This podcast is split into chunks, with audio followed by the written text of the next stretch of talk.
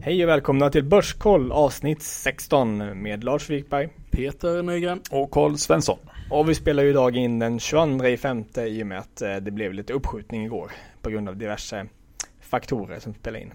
Bland Det var, annat- det, bland det, var, hockey. det var ju hockey-VM. Det var ju där. Vi ska ju inte linda in det här nu Lars. Det var hockey-VM. Det var hockey-VM ja.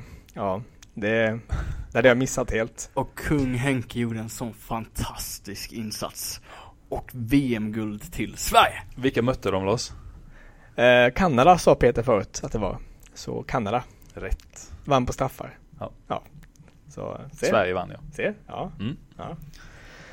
Eh, ja, hur har veckan varit annars?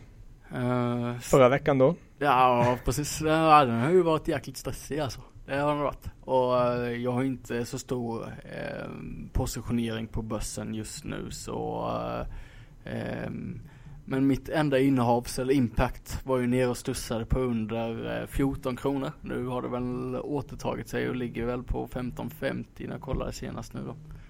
Så ehm, ja, men det ehm, Den ligger där den ska tycker jag i alla fall.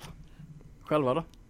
Jag är ju också mm, rätt så fullbokad om dagen men jag har jag är i den fasen nu med mycket saker att göra men där många saker inte ligger på ens egna axlar. Det blir mycket kommunikation, mycket mejlande om väntande revisorer och utvecklare och eh, det, det, det är lite halvstressande att man inte själv kan eh, påverka så himla mycket Mm. tycker jag. Eh, Och sen så, eh, börsen är ju rätt så tråkig nu. Ja, det är den. Ehm, det, det händer ju inte så vansinnigt mycket. Jag var på eh, en dragning för, eller av Handelsbankens, en kapitalförvaltare där. Som förklarade deras syn på saken och det var väl inget, inget ny, nytt under solen så att säga men de kunde väl konstatera att vi befinner oss i en relativt stark högkonjunktur nu. Eh, hans eh, största värdemätare på det som han ofta använder som eh, en referens till Sandviks vd eh, Björn Rosengren som har gått ut och sagt liksom att eh, de ser tillväxt i alla sina marknader och eh, det är ju en rätt så försiktig general att, eh, när det gäller utlåtanden. Eh, Så eh, mycket tyder väl på att eh, eh, verkstaden och industrin går eh, på högvarv. Och därför är väl det rätt så rimligt att ha de här värderingarna som vi har just nu. Men eh, han räknar också med att det kommer en hel del fartgupp eh, på vägen. Det är inte rimligt att börsen sticker 30% när tillväxten inte följer med så snabbt. Så lite, lite bakslag räknar de med i omgångar kanske. Känns fortfarande som att ris- riskviljan för de mindre aktierna i alla fall fortfarande är väldigt låg. Eh, Det har ju varit mycket IPO som har gått dåligt. Mm. Ehm, Och eh, det känns även överlag så att de redan etablerade förhoppningsbolagen så att säga även går ganska svagt. Ehm, Jag vet inte vad det beror på men eh, det har varit så länge nu. eh, Men det är månader. ju förhoppningsbolagen som tar stryk om vi kollar då på FM Mattsson som vi tar upp och om vi kollar på Munters också som jag anser är ett kvalitetsbolag som noteras nu så har båda stuckit rejält så kvalitetsbolagen har ju gått väldigt bra i IPO så medans eh, de bolagen vi har nämnt, Bambuser med flera eh, andra förhoppningsbolag har gått betydligt mycket sämre, Freedesk med flera liksom. Ja, en som vi varnade för förut i podden var ju den här Nexar Group eh, som nu har gått ner kraftigt första dagen vid eh, notering förra veckan. Det här var ju en, eh, ska man säga, en talang scout på nätet var egentligen deras, eh, deras affärsidé. Och eh, det var ingen som tilltalade mig direkt. Eh, men eh, den blev tecknad i alla fall till viss del och eh, sjönk ju från 3,5 till 2 kronor ungefär eh, första dagen vid, vid eh, lanseringen då.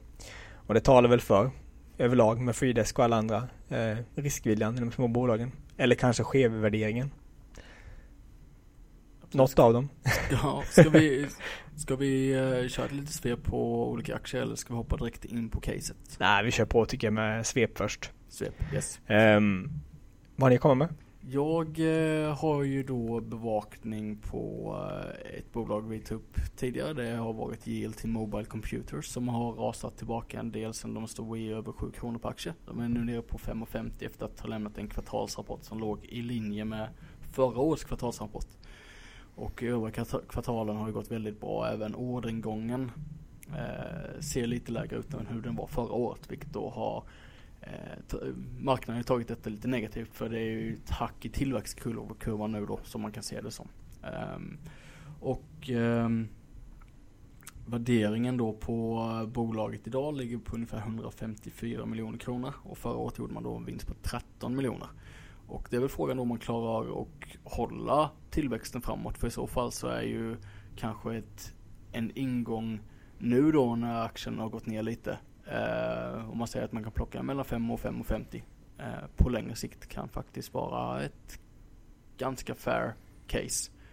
Eh, utöver det då så ehm, eh, har jag bevakning på VA Automotive som eh, jag trodde faktiskt skulle stå betydligt mycket högre än vad den står i dagsläget. Den har ju sjunkit tillbaka sedan vi tog upp den i podden. Eh, då var den uppe på jag vill minnas runt 4 eller över 4 kronor på aktie och nu ligger den och harvar runt ungefär 3 kronor i en fallande trend. Ja. Mm. Eh, och där har vi ju då en, ett börsvärde på eh, 82 miljoner kronor. Eh, vilket då beror på att man har ju en ökad tillväxt. Ehm, men eh, man lyckas inte med lönsamheten. Nej, precis. Eh, vi kunde väl anta att eh, omsättningen skulle öka och det har den gjort också men eh, lite svårt att ta hänsyn till eh, råvarupriserna som var eh, fallet i den här rapporten då som hade stigit eh, eh förvånansvärt mycket skulle jag vilja påstå. Det, det, och det som förvånar mig desto mer är väl att ledningen eller bolaget inte eh, tar större eh, säkerhetsmarginaler för sådana här saker och säkra upp lite råvaruförändringar. Uh, och det är ju det som har ställt till uh, lönsamheten här. Man ligger i princip på oförändrad lönsamhet uh, trots att man ökar omsättningen rätt så rejält då. Och som sagt kursen ner på 3 kronor. Jag ser väl på kort sikt rätt så tråkigt att sitta på det här bolaget.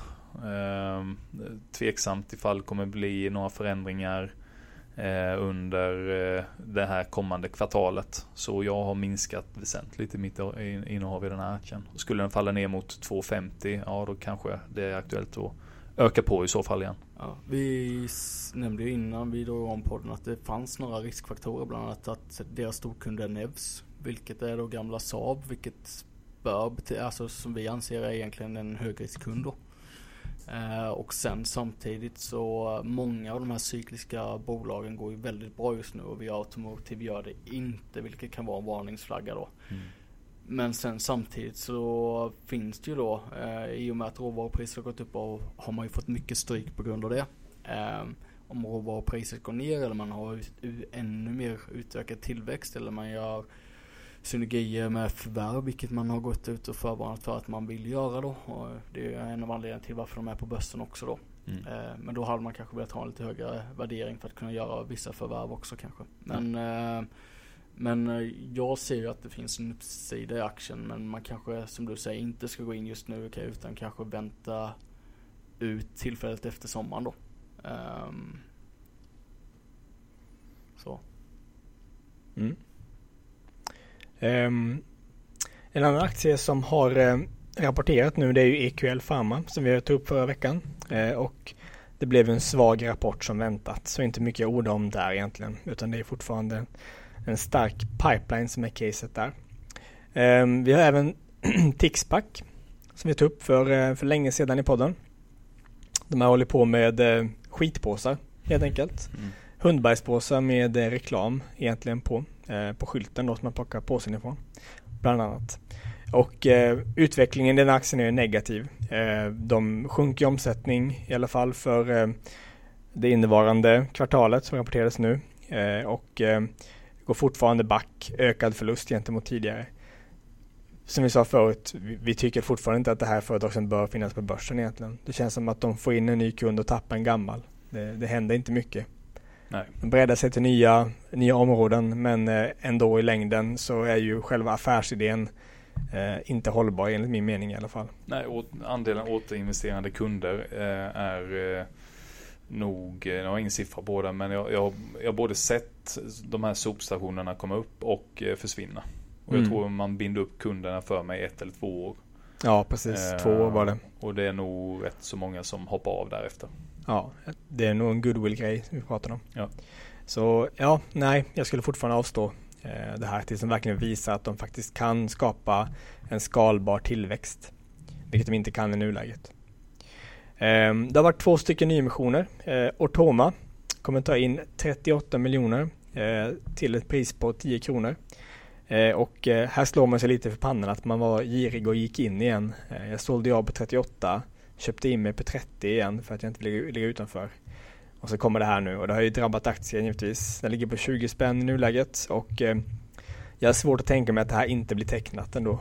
Eh, de står inför en lansering av produkten eh, och eh, de har en garanti på ungefär 33 procent tror jag det var eh, av eh, den här eh, emissionen då. Ehm,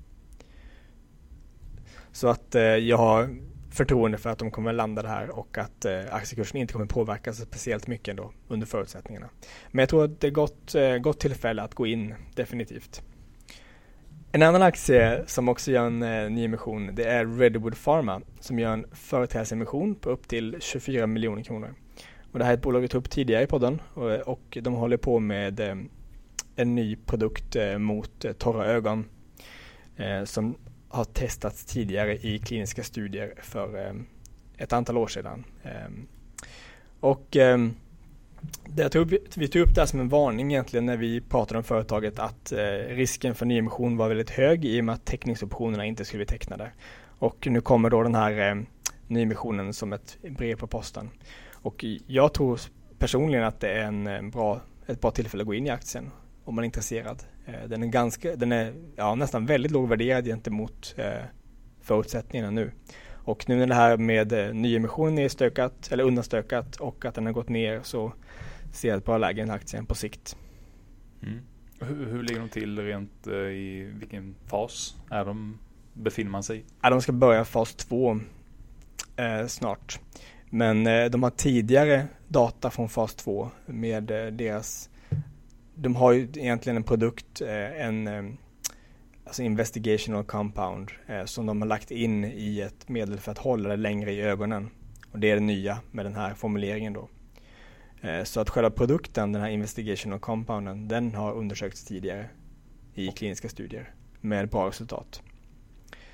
Så det är egentligen själva kombinationen man ska utforska vidare nu med fas 2-studier och det är därför man tar in pengar. Så det ser intressant ut. Mm, spännande. Mm. Eh, vi kanske även bör nämna att Peptonic har haft ett par eh, pressmeddelanden. Det var också ett bolag som vi har haft uppe på varningsflagg tidigare då. Mm. Eh, och de aktien fick ju tuppjuck neråt. Totalkraschade kan man väl nästan säga. Efter att de misslyckades med sin studie. Mm. Och nu har man då meddelat att den här receptfria produkten man ska lanseras har på ett eller annat sätt varit mer positivt framgångsrik än vad man tidigare har meddelat då. Och att man nu även gör en företrädesemission där varje aktie får en ny teckningsrätt. Där man har rätt att teckna en ny aktie för 60 öre per aktie då. Oj då. Och eh, aktien stod nu senast i 1,25.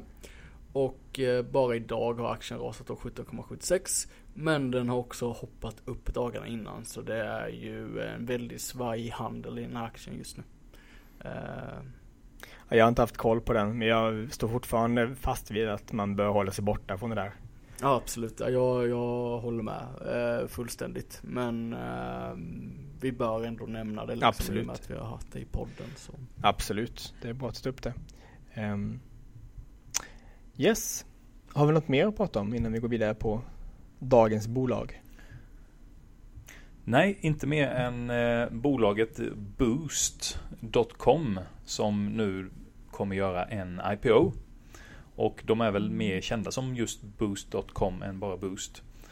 Och det här är ju modeföretaget som säljer kläder på nätet. Diverse olika, under diverse olika varumärken. Och de gör då som sagt en IPO med en eh, anmälningsperiod som pågår just nu och och eh, som slutar den 29 maj. Så det är bara mm, ja, en knapp vecka kvar på den. Eh, man kommer ta in i runda svängar 400 miljoner kronor i den här rundan. och eh, priset per aktie är inte riktigt fastställt utan det kommer avgöras under den här anmälningsperioden då.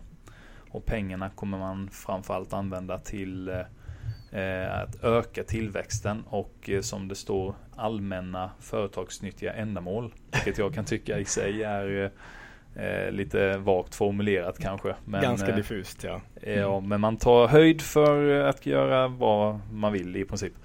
Men eh, i andra meningen så skriver han också att man kommer sikta på att effektivisera sitt nya automatiska lager nere i Ängelholm. Så det är väl eh, en del av pengarna som ska gå ner dit. Det här bolaget hör ju till en av de fem största återförsäljarna eh, på nätet av kläder idag. Eh, tillsammans med H&M, Zalando, Ellos, Nelly.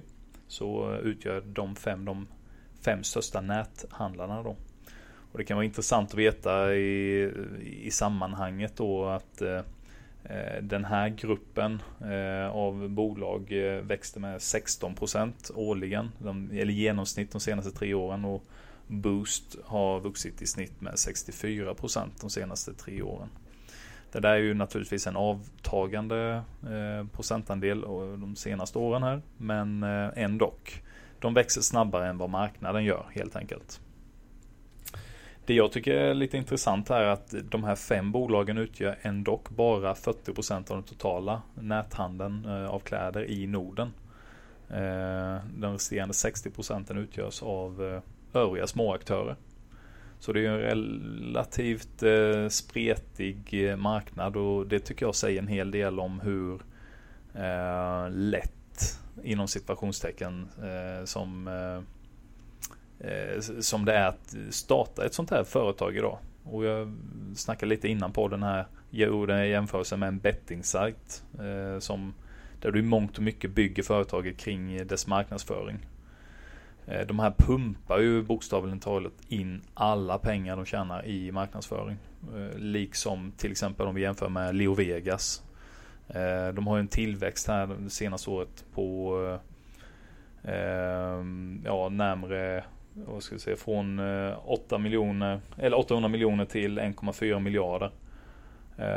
Men vinsten växer inte därmed utan den, den står nästan still. Det så... Väl, och det är väl lite så som, som man ser att många case, alltså de pumpas ju idag eh, marknadsföringsmässigt då. Och Boost har man ju hört väldigt mycket om. Eh, alltså det är på vägskyltar, det är tv-reklam. Mm. Jag tror till och med jag har hört radioreklam på det liksom. Så det, de syns och hörs överallt. Mm. Just nu. Och, men det, det som jag tycker är intressant som man hittar i prospektet det är ju att man eh, ligger, man vill ligga liksom i mediumsegmentet mellan lågpris och premium. Men vad jämfört då med till exempel Zalando som de klassar in som det som de kallar då för universalt. Fast fortfarande inom medium så vill de vara i den selektiva delen av marknaden där till exempel Nelly.com ligger då. Mm. Men där de då anser att Nelly ligger på lågprisdelen då till exempel. Eh, om man då kollar på Sara och H&M så är ju det de lågpris och universalt då. Som man ritar in det på en karta så, så vill de ligga lite mer på premiumsidan men fast ändå mot en massmarknad då så att säga. Mm. Mm. Jag tycker det är intressant med just hur man uppfattar varumärkena och vi gjorde en liten jättelätt jämförelse hur eller vilken målgrupp man riktar sig till när man nämner de här olika varumärkena då. Själv tycker jag Boost.com är, tilltalar mig som man mer än till exempel Zalando eller Nelly eller Ellos gör. Som jag förknippar lite mer för kvinnor. Mm. Absolut. Ja, men det, jag tänker kanske mer Boost som Stay Hard åt det hållet. Liksom ja, just det. Um, det är väl spontant vad jag tycker. Men sen så vet jag inte riktigt uh, om, om de faktiskt då kanske har lyckats. I och med att vi inte har någon kvinna här med oss i Bösspodden då. Eh, så vi kanske får uh, skaffa, skaffa en fjärde person på sikt. Men, men det, det kan ju, uh, hade varit intressant faktiskt att höra åsikt från en, från en tjej vad de tycker om varumärket och vad det står för. Mm. för det kanske är så att de har hittat en gyllene väg däremellan liksom. Kan, man skönja olika, det är klart man kan det, men olika typer av konsumentbeteende därav? Jag tänker mig själv, de få gånger jag handlar kläder på nätet så blir det ju ofta rätt stora beställningar men relativt få beställningar. Medan som jag jämför med min eh, sambo, blivande fru eh, eh, som handlar en vara ibland från H&M, ibland från Ellos och ibland från Nelly. Det, där det är, är just det plagget hon vill ha just nu som, som styr. Det, så kan det absolut vara. Jag känner igen mig i det köpbeteendet. Jag har precis köpt hus och det blir ju att man köper för många tusen lappar från en och samma källa så billigt som möjligt och så bra grejer som möjligt liksom. Så eh, jag känner igen det köpbeteendet även med min sambo. Också att hon köper en sak mer sällan från olika ställen då. Mm. Mm. Kikar man lite på värderingen här på bolaget så ligger den i ett spann pre-money på mellan 3 och 3,5 miljard. Eh, och varför man inte vet exakt är att priset på aktierna är inte riktigt fastställda än. Eh, utan det avgör den här anmälningsperioden. Och eh, sett till omsättningen då så, som låg på 1,4 miljard så handlas de nästan ja, mellan två, ja, runt 2,5 gånger omsättningen. Mm. Eh, vinsten eh, här, ebit på 2016 var 21 miljoner. Eh, jag, jag, tycker utan att göra några närmare djupdykningar att eh, värderingen ligger eh, klart i överkant. Vad säger ni? Det beror ju på om man kan lyckas få en bättre marginal på ökad omsättning. alltså att man kommer förbi vissa fasta kostnader, till exempel för lagret och liknande. Mm. Eh, I så fall kanske man kan leverera en, en vinst som ligger uppåt en ja, 90-100 miljoner och då ligger vi, jag fick eventuell omsättning i år på 2,3 miljarder om man då slutar på 6% ebit-marginal så får man, får man en vinst på dryga 90 efter skatt. Och det skulle i så fall ge P36 vilket fortfarande är ganska dyrt. Mm. Och det är nästan best case om man tänker så. Marginalen går ju nästan ner för det här företaget. De har sjunkande bruttomarginal nu de senaste tre åren. Ja, med snitt 3 procentenheter per år. Ja, och det gör ett ganska allvarligt eh, slag på nettomarginalen om man tänker i slutändan. Så att eh, om den fortsätter sjunka även innevarande år så är det ett väldigt dåligt tecken på att det här kommer ge en bra lönsamhet. Um, men visst, alltså absolut, tillväxten är ganska rejäl i företaget. Det är den, det är den verkligen. Frågan är hur pass länge de kan fortsätta växa med tanke på att de antagligen kommer komma i situationer med att konkurrera med andra aktörer på marknaden mer. Mm. Eh, desto mer de tar av, eh, desto större tuggar de tar av marknaden, desto mer konkurrens kommer det bli givetvis. Mm. Så det är svårt att kunna växa eh, gemensamt och snabbare än den här årliga tillväxten i marknaden. Ja. Nu är det ju ägare, befintliga ägare som kommer sälja mycket av sina innehav. Mm. och jag, jag, tycker med det du sagt Lasse, om man eh, förväntar sig att få stordriftsfördelar och högre avkastning på den här omsättningen eh, som kommer vara högre än fjolårets. Eh, varför då inte vänta med att kunna presentera ett sånt superresultat istället och kunna få ut en om möjligt ännu högre värdering på 2018-2019 års prognostiserade resultat. Mm. Och det är ju mycket aktier som säljs ut. Det är ju alltså nyemissionen som ligger någonstans 400 miljoner plus är ju på 7 miljoner 407 000 nyemitterade aktier. Och bolaget, eller befintliga aktieägare kan sälja upp till nästan, alltså det är 19,5 miljoner då, mm. aktier då. Mm. Vilket motsvarar egentligen över 1,06 miljarder. Plus då beroende på vad, vad kursen hamnar på. Så det är en stor del. Sen så har de ju en lockup eh, period då, de andra ägarna efteråt. Men då har man ju redan gjort förmodligen en, en bra, alltså man har ju egentligen tagit hem hela vinsten för bolaget värderades ju då som eh, i artiklar vi har hittat tidigare de tar in 400 miljoner kronor vilket också kanske motsvarar egentligen det egna kapitalet som finns i bolaget idag också. Eh, lite mer kanske då i och med att man har haft en liten vinst då. Men eh, men eh, visst det är en saftig värdering för även mot eget kapital. Även nu om man då får in ytterligare 400 miljoner också. Så är det ett bra spann neråt. Och sen har man ju då eh, eh, Alltså de aktieägarna som har skjutit till pengar tidigare har förmodligen nästan plockat hem och säkrat hela det, sin egen insats och sitter med optionen kvar sen mm. i lockup-perioden efteråt då. Som så, inte är så lång ändå. 180 dagar ligger den på. Ja. Så det är ju eh, ett... För, för de som går in som liksom eh, Um, ja, innan då noteringen, de här större fondägarna till exempel, de har 180 dagar. De, styrelsen har 360 dagar. De har lite längre okay. lockup, om jag minns rätt. Men ändå, det är ju, ja, det är ingen lång lockup under omständigheterna ändå. Ja just det, ja, 365 dagar är det ju på den. Så det är ju ett år där. Mm. Mm. Det stämmer. Ja, i lockupen skulle jag absolut kunna vara längre. Mm. Eh, och det är ju likadant som det står där i disclaimern i samma text som det står om säljande aktieägare och lockup-avtal då. Eh, eh, att det finns ju en risk att, att gå ut i en bookrunner och att, att de säljs ut vilket då kan påverka kursen negativt också. Och eh, vi nämnde ju redan innan här att vi har nog aldrig sett så mycket disclaimers Nej, i något sjukt. prospekt någonsin. Nej det var mycket. Väldigt mycket. Men det är, det är klart att det är bra att de presenterar alla riskerna på ett eh, objektivt och tydligt sätt.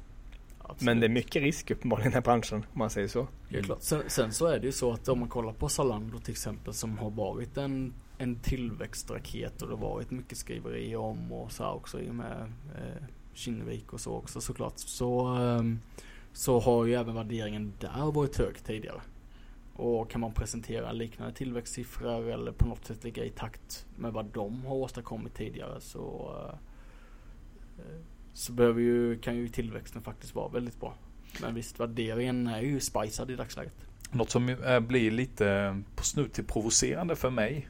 Eh, det är just tanken att bolaget har funnits i tio år och har eh, nästan tio gånger så hög värdering som till exempel R&B som värderas idag, börsvärdet ligger på runt 400 eh, miljoner.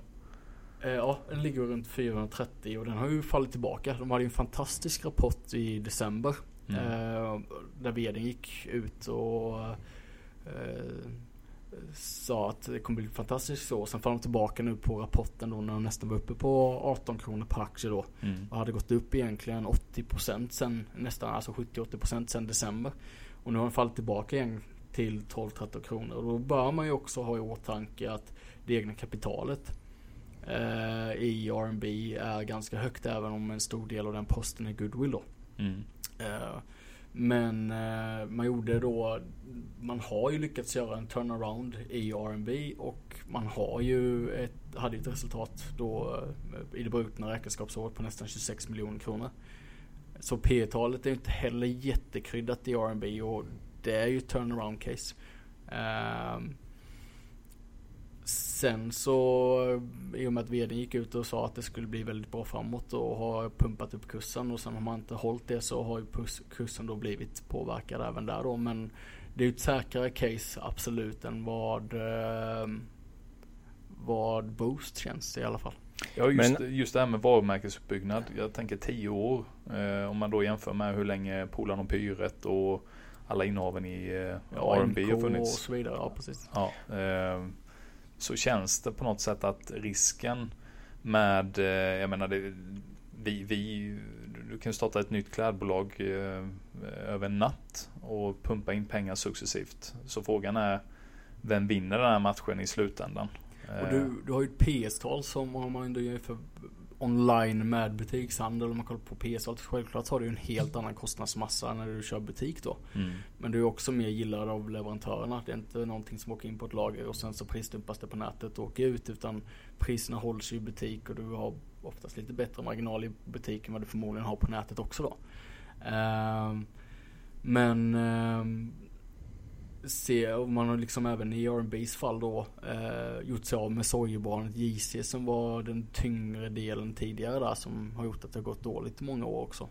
Eh, så eh, det är ett betydligt säkrare case och bättre fair value i det bolaget idag. Även, jag tycker även MQ ligger hyfsat bra till också om man ser det, ser det sett till, eh, till Boost då. Mm. Men sen är det ju vi hade ju en diskussion om till exempel Hennes och Maurits då, om de kommer att eh, hur de kommer se ut om x antal år nu när man ställer om mot e-handel och sånt också.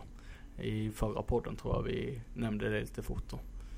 Eh, och eh, det är ju intressant att, att, att, se vad som händer med de här bolagen på tio års sikt. Men de flesta håller på med någon typ av online-satsning även om de driver butik också i dagsläget. Mm. Precis, och det är ju det som händer alltså. Det blir ju mer övergång till näthandel.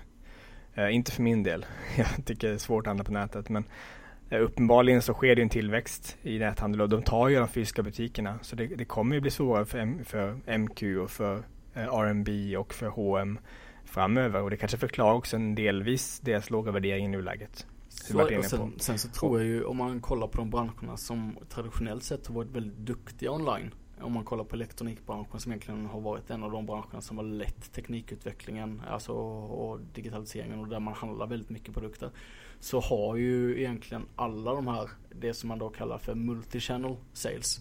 Där du både har butiker, du finns online eh, och har både förhållandevis hög försäljning i butikerna samtidigt som du har hög onlineförsäljning och du kan även ha mm. olika utbud eh, online som i butik också då.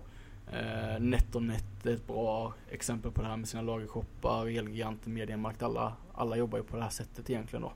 Eh, Mediamarkt var väl sist ut. Nu drar ju sig Mediamarkt ur Sverige då och kommer heta Power. Då Expert köpte upp dem sen tidigare eller för, för ett gäng veckor sedan eller någon månad sedan.